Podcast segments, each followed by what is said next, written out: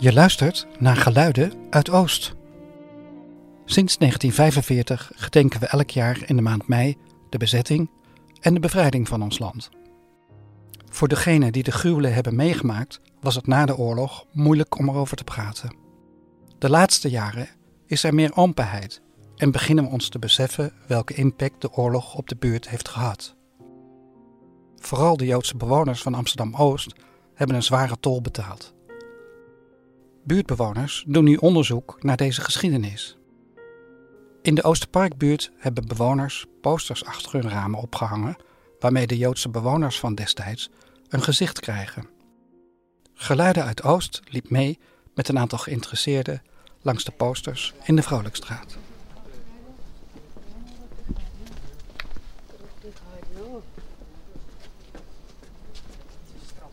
We hebben het 4 mei-comité die we dat organiseren. We komen voort uit namen en nummers Kastanjeplein. Uh, wij proberen dan bewoners die hier gewoond hebben, de Joodse bewoners die weggevoerd en vermoord zijn, alsnog te herdenken en ook persoonlijk, één voor één. Niet als getal, niet als grote gebeurtenis, maar elke persoon afzonderlijk. Ben je even bezig? Wij zijn daar vanaf 2012 tot 2021 mee bezig geweest. Toen zijn 2800 naambordjes gemaakt. Vanaf 2021 zijn we op een nieuwe manier bezig om de mensen die in een huis wonen te vragen: weet je de geschiedenis van je huis? Weet je wie daar gewoond hebben, wat ermee gebeurd is? Daar komen gedenkposters uit en die hangen mensen achter hun ramen. Daarvan zullen we een aantal zien en lezen. En dan ons realiseren wat er in die woning gebeurd is. Alleen al in deze straat, Vrolijkstraat, zijn 1400 mensen weggevoerd en vermoord. Dus stel voor dat we gewoon een uh, affiche opzoeken, een gedenkposter.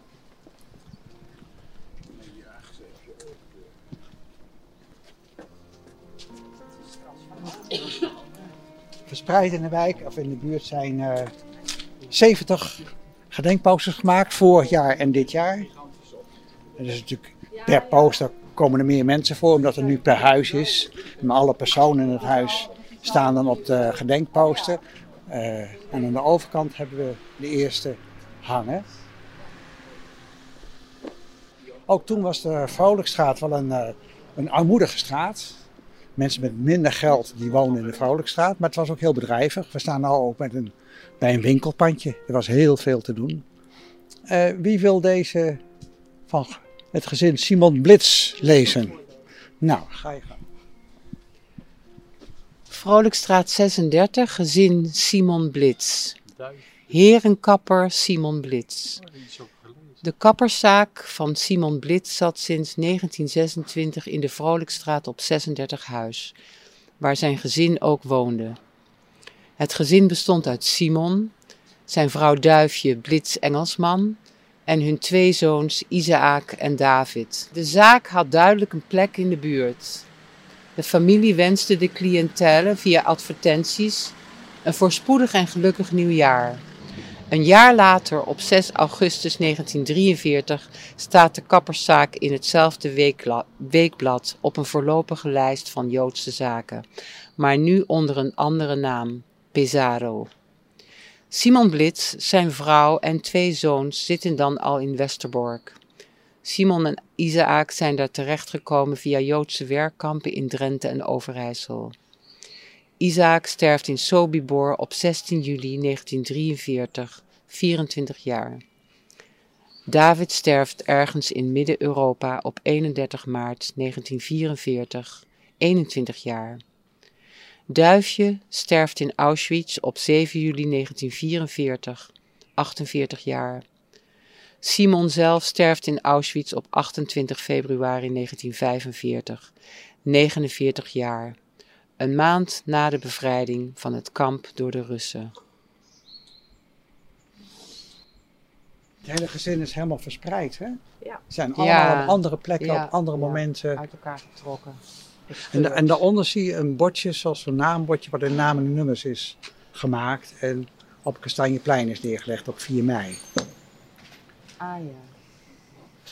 Want de mensen die dat uitzoeken, die hier wonen, en als ze het niet zelf kunnen, hebben een soort onderzoekersteam, een researchteam van eh, bewoners. Die zoeken vaak ook foto's erbij. Maar heel vaak hebben mensen geen foto's. Marktkooplieden die hebben foto's vanwege de vergunning om op de markt te staan. Kinderen hebben bijna nooit foto's. We hebben verhalen gehouden op de basisscholen.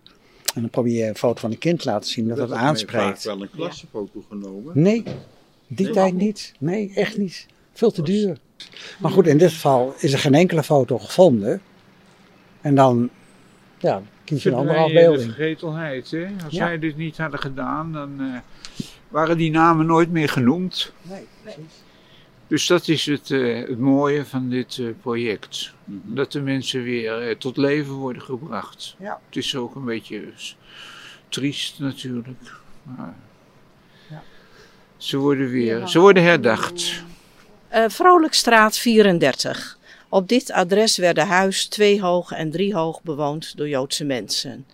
Het gezin van Samuel Philips. Op 34 huis woonden Samuel en Deborah Philips met hun drie zoons.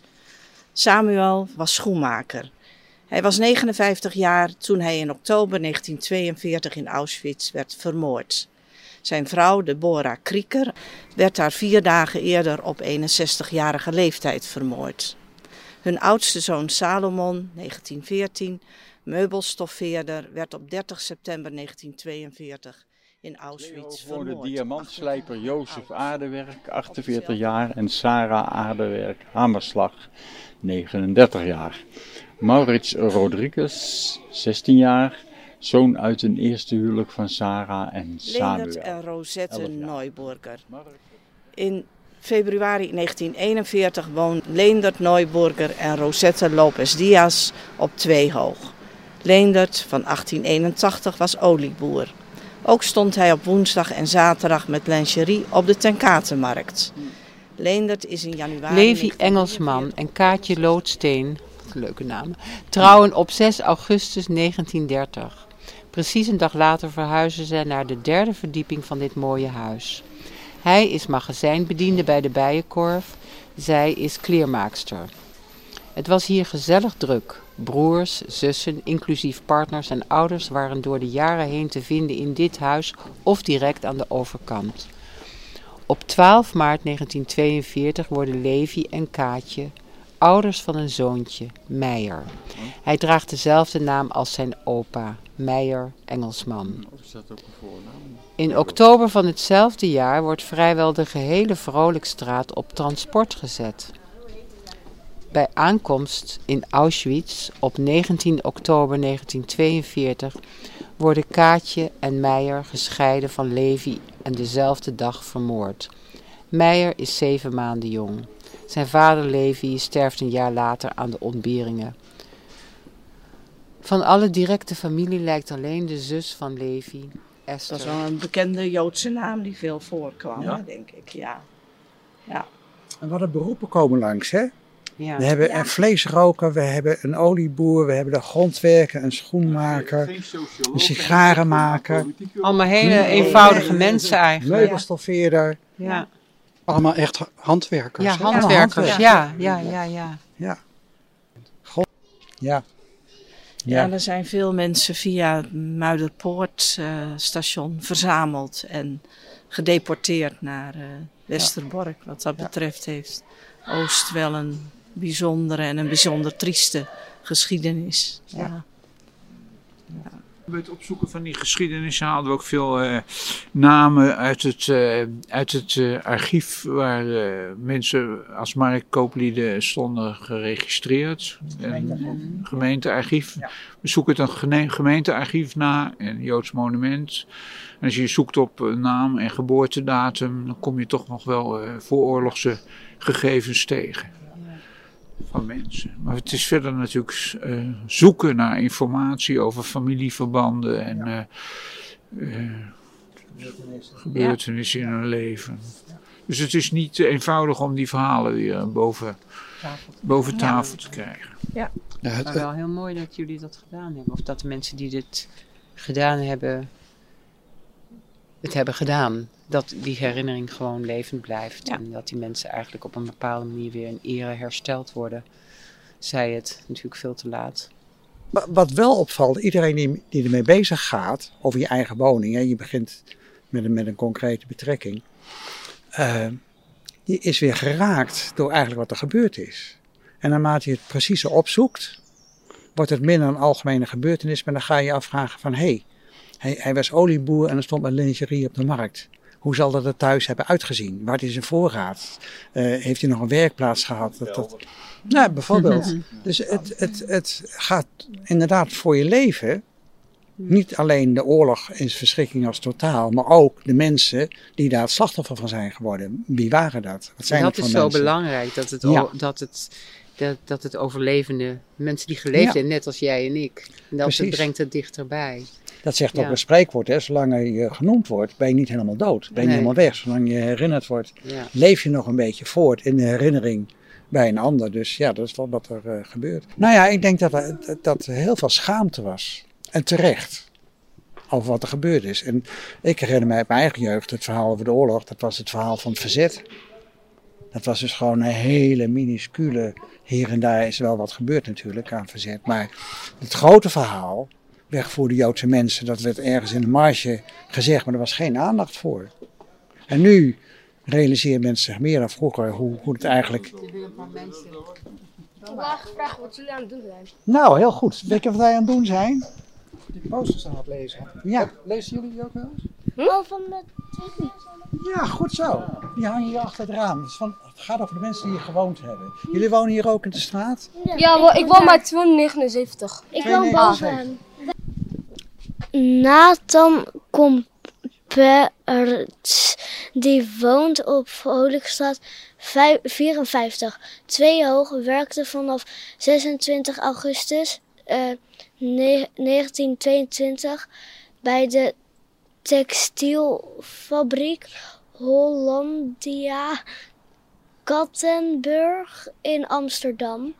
Op woensdag 11 november 1942 deed de S- eh, I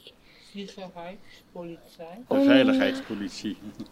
onder leiding van Willy Lagers eh, een inval in de Hollandia-fabriek. Al, alle uitgangen werden afgezet en de Joodse medewerkers van het bedrijf werden s'avonds weggevoerd van alle, alle ehm, werknemers die in de avond werden ik begrijp het verhaal niet helemaal, maar ehm, Nou, ze werkte in een fabriek in Amsterdam-Noord, Hollandia Kattenburg. En er werden alle Joodse mensen weggevoerd. En ze hadden als smoesje dat ze daar een illegaal blad hadden verspreid. En daarom werden ze eh, aangeklaagd, kregen ze een proces en naar Auschwitz eh, gestuurd en vermoord. Daarna Illegaal is verboden, hè? dat weet je. Maar het waren alleen de Joodse mensen. oh, En waarom, waarom was dat dan? nou, eh, Eigenlijk werd een hele grote groep mensen gewoon gediscrimineerd. Zo van, we vinden jullie niet aardig. Oh ja, dat was ook eh, heel vroeger. Ja, Ja, d- ja. heb je dat nou niet meer, denk je? nou ja, soms nog wel, ja, maar dan niet met Joodse mensen, met ehm, zwarte mensen en witte mensen. Het meeste dat witte mensen de zwarte mensen uitschelden of discrimineren. Eigen- Eigenlijk is het zo dat mensen samen zeggen: jij hoort bij ons groepje en iedereen die er niet bij hoort, vinden wij niet aardig. Daar komt het eigenlijk een beetje op neer. Dat ze Ja. niet meer met andere mensen praten, maar gewoon iedereen op één hoop zeggen: dat zijn niet aardige mensen, want ze zijn niet bij onze groep. Gebeurt het op school ook wel eens? We hebben een soort van clubje en dan zegt de andere van als moes, ehm, dan ehm, nee, we zitten al vol terwijl we niet vol zitten, maar dan willen we gewoon niet dat diegene erbij hoort. Nee, ik herken dat, ik herken dat. Wat, heb, wat hebben jullie meegekregen van de Tweede Wereldoorlog? Wat Eh, is er toen eigenlijk gebeurd? Anne Frank een beetje. Die is achter een kast gaan wonen. Of ergens zo. ja, het achterhuis. Die zit in Amsterdam, hè? het, eh, zo'n dagboek. En een Ja. dagboek. Ja, krijg, je, krijg je op school geschiedenis? Ja. Maar ik weet wel van Floris de vijfde. Bijvoorbeeld Floris de vijfde, die, had, eh, die was een baas van het land. Maar die had edelen. Alleen hij gaf meer stadsrechten aan de boeren in de stad, waardoor de edelen minder de zeggen hadden. En daar werden de edelen dus heel erg boos van. En Maar dat is al best lang geleden. Wat, wat leren we over de Tweede Wereldoorlog? Nou, daar leren we nog niet echt wat over. Ehm, maar dat komt nog wel in groep 6. En ehm, groep 6 ga je daar niks van hebben hoor. Dan ga je, echt, ja, dan ga je niet de geschiedenis ja. van dat hebben hoor. maar in groep 4, ik bedoel in groep 5 nu, hebben wij nu wel de Romeinen. We zijn naar basisscholen geweest. Nou Edmond, vertel jij er wat van? Ja. Nou, de kinderen groep 8 hebben we hier zo op, eh, op de, een van de basisscholen hebben we eh, een PowerPoint eh, laten zien over de buurt zoals die er vroeger uitzag. En eh, verhalen erbij verteld. En natuurlijk het verhaal van de, van de holocaust. En, eh, eh, er werd ademloos geluisterd door die kinderen. Dus dat was eh, heel bijzonder. En eh, ja, ze pakken dat eh, toch ook eh, snel op, die, eh, die geschiedenis. We, zeiden, vertelden dus over de hongerwinter. En dat het zo koud was die, eh, die winter.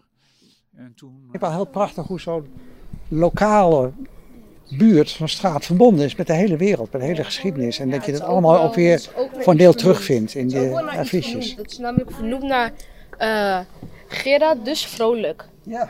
En dus denk ik een heel erg belangrijke man of zoiets. Ja. Ik weet echt niet wie dat is. Ja, en daardoor dus, eh, daardoor heeft Vrolijkstraat dus de naam gekregen, echt Vrolijkstraat. En het is ook een hele leuke buurt om te wonen. Maar niet altijd zo vrolijk geweest. Dus in de Tweede Wereldoorlog was het een niet Niet zo vrolijk vrolijk hier. straat. Deels echt was gewoon, deels gewoon niet fijn. Alles was vernietigd. Ja, muzielige